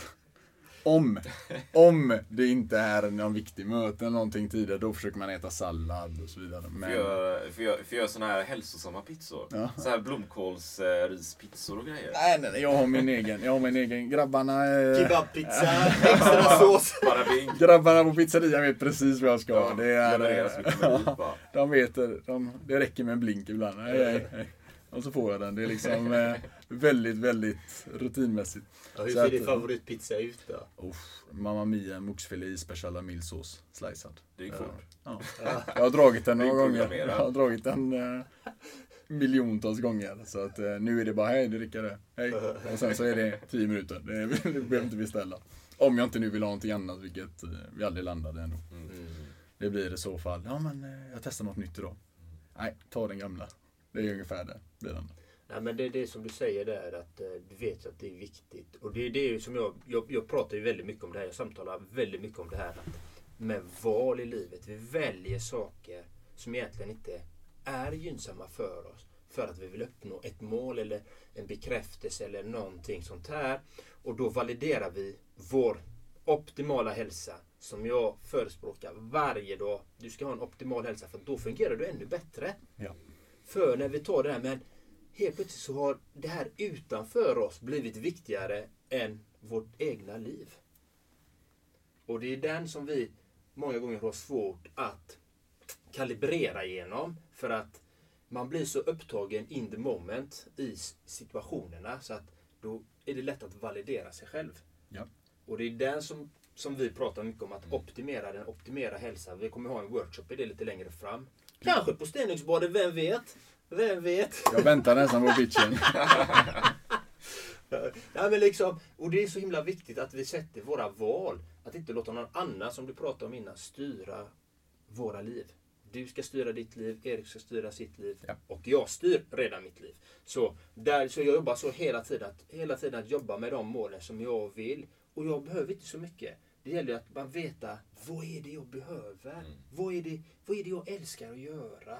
Det är där, när du har mått som bäst Rickard, får jag ställa den frågan, när har du mått som bäst? Oh. Ja, det är tuffa frågor alltså. Nästa gång känner jag att vi, vi har lite förutspelat. Nej. eh, jo men när jag har mått som uppriktigt sagt så är det faktiskt rent, rent Ja. själsligt så är det ju tiden från den psykiska ohälsan fram till egentligen att jag började jobba liksom aktivt just för jag går all in i, och jag tycker om att jobba, jag älskar det. Men just för att hinna med alla de här momenten, att ändå vara produktiv, men göra, liksom läsa, eh, att bara vara i nuet, kanske ta en promenad, hinna, hinna med alla de här delarna som gånger skjuts. Mm. Eh, och även liksom vara mer närvarande. Då, då la väldigt mycket prioritering på att vara med min dotter och vara och det har jag saknat mycket, jag måste vara riktigt uppriktig. Att mm. nu är det mer, ja, men jag, pappa jobbar väldigt hårt, han jobbar ofta och hela tiden. Och det kan kännas ibland att, okej okay, men är det här värt det egentligen? Mm. Hur, men då kommer nästa fråga, okej okay, men jag är ju lagd åt det här hållet. Jag, jag, det här är vad jag älskar att göra. Och om jag inte får göra det så, eh, lite så. Så att, men för att besvara långt, vad jag kommer ihåg. Mm. Eh, ja, övergången från den psykiska ohälsan fram till att jag applicerar alla de här sjustegsmetoden, väldigt, liksom nästan ja, men dagligen. Eh, skrev dagbok, you name, liksom följde upp mig själv hela vägen till att jag släppte den delen. Mm. Skulle jag säga. Mm. mm. Eh, och då sa, fick jag också feedback från många att wow, du har liksom förändrats, blivit mycket lugnare och mm. mer harmonisk. Mm. Eh, kanske är det så. Men jag gillar att ha mycket energi. Jag känner att... Ja, det, jag älskar också att ha mycket energi. Och man kan ha mycket energi och du får ju mer energi när du är strukturerad. Ja. Och, och du prioriterar din optimala hälsa. Det är ju det som är... Eh, jag kan ju känna igen mig i vissa delar där då när jag arbetade som mest. Liksom. Jag kunde sitta vid köksbordet där som egen företagare med anställda och allting. Liksom. Och, och mina barn sitter där vid köksbordet. De pratar med mig men jag är inte närvarande. Jag är inte där. Mina tankar Precis. är på nästa grej jag ska göra på i bolaget eller för mina anställda Precis. eller för dem. Vad betyder det? För mig betyder Precis. det, jag levde inte mitt liv. Precis. Jag levde mm. inte där och då utan då var inte jag i nuet och det är det som är så viktigt att inte slösa med sitt liv. När du är med dina barn, var med dina barn hela vägen. Tänk inte på arbetet, för arbetet är arbetet. Det är en del av ditt arbete, ditt liv, ja, visst. Men det är inte hela livet. Du måste ha med hela och vara närvarande i varje del i ditt liv när du är där. Det är så viktigt. Så att jag... Det är den, den biten. Om jag tänker tillbaka på den. Det är den som kan få att jag inte blir... Jag säger ju att jag är 99% lycklig av min tid. Det är om jag tänker tillbaka till dåtiden. Då kan jag bli ledsen. Ja, jag skulle ha gjort så. Men det, det var min process för att komma dit jag är idag. Mm. Och det är så, så jag ser på det. Allting finns lärdomar, erfarenheter hela tiden. Allting är för att du ska komma närmare dig själv. Så att du ska leva ditt drömliv. Det är det det handlar om. Så att du ska leva efter dina regler, hur du vill leva. Det är det det handlar om. Så att man kan leva sitt drömliv. Nu kan jag faktiskt ge en kort beskrivning vad är min dröm då? Om jag inte nu kommer till Roma, vad jag har för, mm. för, för mm. eh, just varför jag vill bli ekonomiskt oberoende i, ett arbetssammanhang. Eh, jag har en, en, en, vision, en vision ska jag säga, inte en dröm utan en vision. Så det finns en, en typ av plan. Eh, mm. Det här är långt fram. Ja, ja. Vi bor i, i södra Italien, det heter Tropea, Kalabrien. Eh, jag har en vision just för att föra människor närmare varandra där det inte ska vara vinstdrivande. Så att jag vill göra en liten champagnebar eh, med, ja, med någon typ av tilltugg. Där man människor ska sätta sig och bara socialisera. Det finns inga telefoner, det, är liksom, det lämnas i dörren. Och blicka ut över den här, vi har en vulkan som heter Stromboli. Så att bara känna vattnet, känna liksom wow. Och den visionen ser jag framför mig. Men jag ska aldrig liksom gå i tanken att okej, okay, ja, vi fick in så här mycket i kassan etc. Utan mm. det ska vara ett ställe man kan gå ner, socialisera, bygga relationer med varandra. Väldigt italienskt men även någonstans känna att wow, vilken dag det var. Mm. Sitta och spela lite kort mm. med de äldre, lära sig om, om livet. Eh, kanske smutta på någon god whisky då. Ingen aning var vi landar. Idag är jag ingen whiskyfan men kanske då. Eh, det finns en, så att den visionen har jag och det är den dagen inte om, utan den dagen jag blir ekonomiskt oberoende och känner wow, nu har jag det här. Då kommer jag sätta det, applicera det, för då känner jag att det här är min belöning. Och nu kan jag inte trappa ner så som många liksom, mm. utan det här är någonting som är roligt och jag håller jag mitt jobb.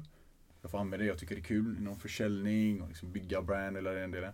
Men jag gör det för min egen skull och gör det för andra människor, äldre människor och lära mig av det som jag inte har lärt mig av mina 29 år och det är hur är det att vara 50? Hur är det att 60? Vad händer emellan? Berätta din historia, berätta din historia. Bara sitta där hela dagarna, spela kort och lyssna på äldre människors historia. Eh, så det är en, en, det är en dröm, eller det är om jag inte når Roma. Vilket jag försöker på LinkedIn och skriva till folk och så. Men om jag inte når det. Så är det faktiskt en som jag har varit väldigt, väldigt, väldigt nöjd med. Eh, Mm. Och sen kunna bygga ett legacy därefter och, och ge bort till eh, mina barn. Det hade varit en, eh, det hade varit en dröm. Ja. Mm. Ja, så det får vi se. Om vi landar där. Men det gör vi.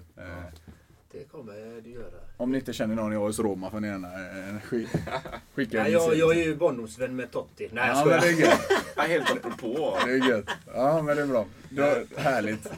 Tropea åt sidan nu. Nu är det full fokus Jag hoppas att munken med korvett får komma ner. Munken på Entreprenörsgatan. Här har du ja. Nej men vad fint. Och vad... Jag har, jag har, vi har några frågor till, men jag har, jag har näst sista, så kommer Erik ha den sista frågan. Kul. Vad är dina tre bästa tips för lyssnarna att ta tag i de sakerna de vill göra i sitt liv? Tre, kan du ge tre bra Skriv tips? ner det. Agera. Och eh, gör dig själv eh, Ge dig själv en förpliktelse genom att berätta för andra vad du kommer göra. För det är det som hindrar många- människor idag. Eh, just när människor någonstans känner att okej, ja, jag kommer inte göra det, jag skjuter upp det. Min meditation bara för ett exempel. Hade jag sagt, jag vet vad Erik, jag lovar dig nu eller någon som verkligen är betydelsefull för dig, säger det här kommer jag göra nu och du får liksom resultat, jag får rapportera till dig. Då blir det någon typ, liksom undermedvetet, en, en till en början i den här övergångsfasen tills det blir liksom en, en vana så blir det mer en förpliktelse att jag måste göra det här för att inte skämmas. Och det kan vara väldigt bra att man har det första steg. Mm. Eh, så jag skulle säga det, skriv ner vad du vill. Eh, gör det. Alltså bara gör det. Det är det sista. Men kanske som ett steg två då. Skriv ner vad du vill. Ge en förpliktelse några, någon eller några som du liksom har hög respekt för. Eh, för du vill inte, du vill någonstans inte att de ser dig med andra ögon. Och sedan så ser du bara till att göra det. Tänk inte. Eh, vad menar jag med det? Det finns en, en forskning nu, en fem sekunders regel då, för det kan vara ganska relevant. eh, Med, med, med Robin som jag läst om. Och det är en djupgående forskning som faktiskt funkar. Att när du är i ett state of mind och någonstans inte Jag gör den här hela tiden. Eh, och nu satt den i ett system. Så när man är lite så, så att om jag ska göra det, ska jag inte göra det. Ja men då förlorar man Ja. varje gång. Det som är viktigt är att om man räknar från 5, 4, 3, 2, 1, 0. Och sen ställer, gör du vad det. Du tänker inte utan du tar bort din tankegång bara på siffrorna. Och bara agerar. Så att vad skulle jag säga är att skriv ner förpliktelse, agera bara. Och vill du mer konkret inte veta hur, räkna från 5 till 5, 4, 3, 2, 1, 0, shoot. Eller det gör ta en coachinglektion. Eller det. För det är precis det. det, är Eller precis det. det. Eller det. Okej, det, det är ett fjärde steg då. Eller kontakta John Andreas eller Erik i andra hand. Eh, nedan, du ser det kontakten. Så det är mina tre bästa tips. Ja, och det är så det- jag applicerar dem Ja, varje dag. Fantastiskt, fantastiskt. Riktigt bra värde där faktiskt. Då, Tack så och lyssna också. Och Mel Robbins känner också till eh, fem sekunders regeln då. Och den är spännande, så Väldigt. den ska jag också jobba lite mer på känner jag. Väldigt, väldigt enkel. Ja, väldigt Eh, enkel. Tyvärr, så många gånger så anser många där ute att den är för enkel och därför Ja. funkar den inte. Ja, jag säger tvärtom, den fungerar galant. Det är ofta de enkla lösningarna som är de Ja, bästa. precis. Ja, absolut. Mest effektiva. Ja, men det, Absolut. det är bara att titta på eh, sociala medier när man lägger ut något. Det man tror ska slå, slår inte. Och det som man inte tror, Ja. ja, det här kommer inte bli något, kan slå hur bra som helst. Absolut. Man har ingen Nej, aning. Så nej. det är bara att sh- shoot liksom. Ja. Man vet aldrig vad människor tycker om. Utan du ska gå på din känsla, på vad du tycker om. Och vad du gör bara. Det du vill göra, gör det. Tänk inte på följderna eller konsekvenserna. Det är det jag pratar om. Ha ingen förväntning på ett resultat. Utan bara gör det du vill göra så blir det magiskt fantastiskt bra. Jag håller med. Sen, sen skulle jag säga innan vi Ja, sista, absolut. att göra, bli handlingskraftig, gör det till en vana. För lite vi var inne med träning och det Ja. som du förespråkar mycket Erik. Mm. Det här är också en vanesak. Bli handlingskraftig. Och det är frågan hur blir man det? Jo men skriv ner de här. Jag säger det, det finns också studier på att du kan göra sex to-dos är viktigt. To-do, Ja. är det viktigt. Sex delar. Attackera alltid den svåraste först. Mm. Eh, finns en bok om en som heter Eat the Frog, också baserad på forskning, men den är viktig. Attackera det svårast först, för då blir allting annat väldigt enkelt. Ja. Och sedan så ser du till att när du har bränt igenom den här, då är du klar. Du behör, om du vill göra en sjunde, sjunde åttonde, nionde, varsågod. Men du har, det du har liksom någonstans satt en förpliktelse till, det är du färdig med. Du är färdig. Du har gjort det du ska, men du måste slutföra och göra det här varje dag i 30-60 dagar. Så kommer du någonstans bli agerat successivt. Så det är en träningssak det här med. Eh, Och det behöver inte vara superkomplext. Så min absolut viktigaste del att ta med mig, eller liksom dela med mig av är slutför din lista. Det är livsviktigt oavsett vad det är du sätter upp på den. Just för att där kommer lite din självkänsla in i bilden. Äh, om jag inte kan klara de här sex delarna, men vad är jag för människa, etc. etc. Men om jag klarar dem, förstår ni hur stark jag är. Och imorgon är det sex nya och du grejar dem med. Det här sätter jag varje dag. Jag sätter tyvärr en to-do-list med många bonusaktiga och hur lång tid de kommer att ta. Men jag är nöjd. De här sex sätter jag i ett A, B, C-system, ett A-system. När jag klarat av dem, då kvittar det om jag hinner med de andra delarna. För det är inte viktigt. Det kan jag göra imorgon eller i övermorgon eller vad det var. Men de här grejerna, det spelar ingen roll klockan är 10 på kvällen, 11 på kvällen eller 2 på eftermiddagen. De ska göras. Punkt. Och då attackerar man dem. Och det är så lätt när man ser och fångar, attackera ett problem, inte sex problem. Ett i taget. Så, nu är du färdig. Nästa. Det är egentligen superenkel, enkla delar. Men det ger så enormt mycket. Så i 30 dagar, sätt din del och skriv ner vad du vill, förpliktelse och attackera det. Och se till att slutföra. Riktigt bra. Och, och jag, när jag pratar mycket med mina klienter också, så här, det är ju de här beteendeförändringarna, de här småsakerna. Vet, är det, är det som gör stora skillnader i slutändan. Jajamän. Kanske inte de här stora radikala sakerna som ska ske i, i, idag och sådär, va, utan det är någon sexpunktslistan då. Och köra igenom den varje dag, det, det tror jag stenhårt på. Absolut. Eh, Och det, när man jobbar med sälj så är det också livsviktigt. Eh, Är du kommersiell och har många delar på ditt bord så måste du ha någon typ som jag förespråkar, time management, alltså tidseffektiv. För vi har ju 24 timmar per dag och man vet inte vad som händer imorgon. Så Nej, försök få in så mycket man kan. Exakt. Och det bästa sättet att få in hur mycket man kan, det är om man är strukturerad och vet vart man ska. Eh, för har du ett mål hela tiden, men de här sex delarna ska jag, jag attackera steg, första steget. Men då vet du, vad du vart du ska. Sen hur du gör det, det är nästa steg. Men du vet, okej, det här, och det kommer ta så lång tid. Det är också viktigt att man inte överskattar att ja, men det här tar 30 minuter så är det en 5 timmars uppgift. Och så tar de andra delarna 4 timmar. Utan då får du liksom rannsaka dig själv. Okej, jag kommer kanske inte hinna med alla sex delar då. Eller de här sex Ja. i alla fall. Så man är viktig att förstå det. Okej, är det här aktiv tid, tre timmar, då är det det. Då kan du lägga till fyra tim- fem punkter till. Men är det inte det, håll fokus där. Så. Ja, Och värdefullt. belöna dig själv. Den är superviktig. Mm. Det behöver inte alltid vara att du köper en Dolce Gabbana-väska till dig själv. Du kan vara nöjd om du går belöna dig själv i form av att ge dig en klapp på axeln eller någonstans kolla någon film, ingen aning, you name it. Jag belönar mig själv idag genom att kolla på Casa de Papel på Netflix. Det är min belöning när jag Ja, kommer hem. ja, Okej, har jag inte jobbat hårt och grejat mina delar, då kollar jag inte på det. Hur ont det än gör, för det är liksom så här, "Nej, jag måste se ett avsnitt till. Ja. Men där känns det ändå så här, okej, när jag trycker på play nu, då försvinner all ångest allt det där för att jag har gjort mitt åtagande idag. Så, det här är min belöning. Punkt. Så det är eh, ett sätt. Eller om det är att man kommer hem och är med barnen, vara. Men Precis. Lite från person till person. Jag tror vi kan ha många fler Ja, avsnitt ja, ja, ja, det finns hur mycket Hur som mycket helst. material som helst och, och, och många bra tips och tricks och mindset och, och hur man kan eh, liksom angripa utmaningar och ja, alltså, det finns hur mycket värde som helst givetvis. Och, så det tackar vi jättemycket för. Och Tack vi har en avslutande fråga så här Shoot. som är den vi alltid Kan jag ta en klunk eller? Ja, ja, ja, du får ta hela, hela burken. Ja, tar för, förbered det här nu då. Perfekt. Så Rickard Amidani, lever du ditt drömliv? Eh, idag, nej inte mitt drömliv. Men jag lever, jag lever drömmen sett till vad jag någonsin trodde från första början. Ja. Jag har två fantastiska barn. Eh, och jag har kommit längre i min karriär än vad jag någonsin hade kunnat drömma om. Så att jag har en fantastisk, en fantastisk familj och är rik på vänner. Jag har hälsan i behåll. Jag kan inte klaga. Eh, så allting är relativt. No. Fantastiskt. det, är bara, det är bara där, ditt ställe med champagne där. Vi, Det. Det lät helt underbart. Eh, och Det gör jag en- det BMW, liksom- en BMW i8 kan jag lägga till. Ja, jag ja, kommer med korvetter. Ja, kommer ner. Nej, men den dagen, den dagen, nej, mitt drömliv, allt är relativt. Ja. Återigen, hade, när du frågar mig psykisk ohälsa så hade jag svarat ja på den frågan. För det är, är en dröm sett från jag var då.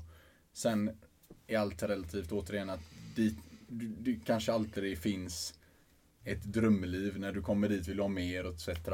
Men eh, jag har väldigt många grejer som jag aldrig hade bytt ut mot någonting. Så att eh, jag får svara ja på den frågan. faktiskt med Foster. Ja, ser du, det var det som kom. Ja. Men jag har en sista fråga, för det här var så intressant. Är du tacksam för att den psykiska ohälsan kom? Oh ja, eh, supertacksam. Den fick mig att gå ner på djupet, den fick mig att bli mer ödmjuk. Eh, den fick mig att bli mer förstående över att faktiskt andra, män och väldigt, eh, andra människor kan ha det tufft och väldigt mycket mer sympatisk och empatisk över andra människors välmående och mitt eget. Eh, och även öppensinnad att jag är inte omänsklig. Den fick mig att förstå också att det finns en deadline i allting. Eh, Och den fick mig att förstå att jag aldrig är härskaren över min kropp utan styr jag inte den så får jag det, eh, får jag tillbaka det i andra former. Så jag blev i mitt ledarskap, i mig själv, i mitt föräldraskap så har den lärt mig väldigt mycket empatiska delar, det måste jag säga. Eh, Så ja, absolut. Ja. Det, det är det, helt klart. Ja, det var här... eh, Nu har ni fått lyssna på Rickard Amidani, Commercial Director på Stenungsbadet. Och då var det en ära att ta dig. Menar jag. Ja, det var allt för Det det var här allt för det där avsnittet. Så Kul. tack för eh, att du besökte podden här och det är gott och värde till lyssnarna också. Och jag har personligen fått ut jättemycket också. Så det är Kul, spännande. det gläder mig att höra. Det gläder mig, jag kommer alltid tillbaka när du vill. Ja, vad fint. Och ha det gott så länge allihopa där ute. Tack för att ni lyssnade. Hej.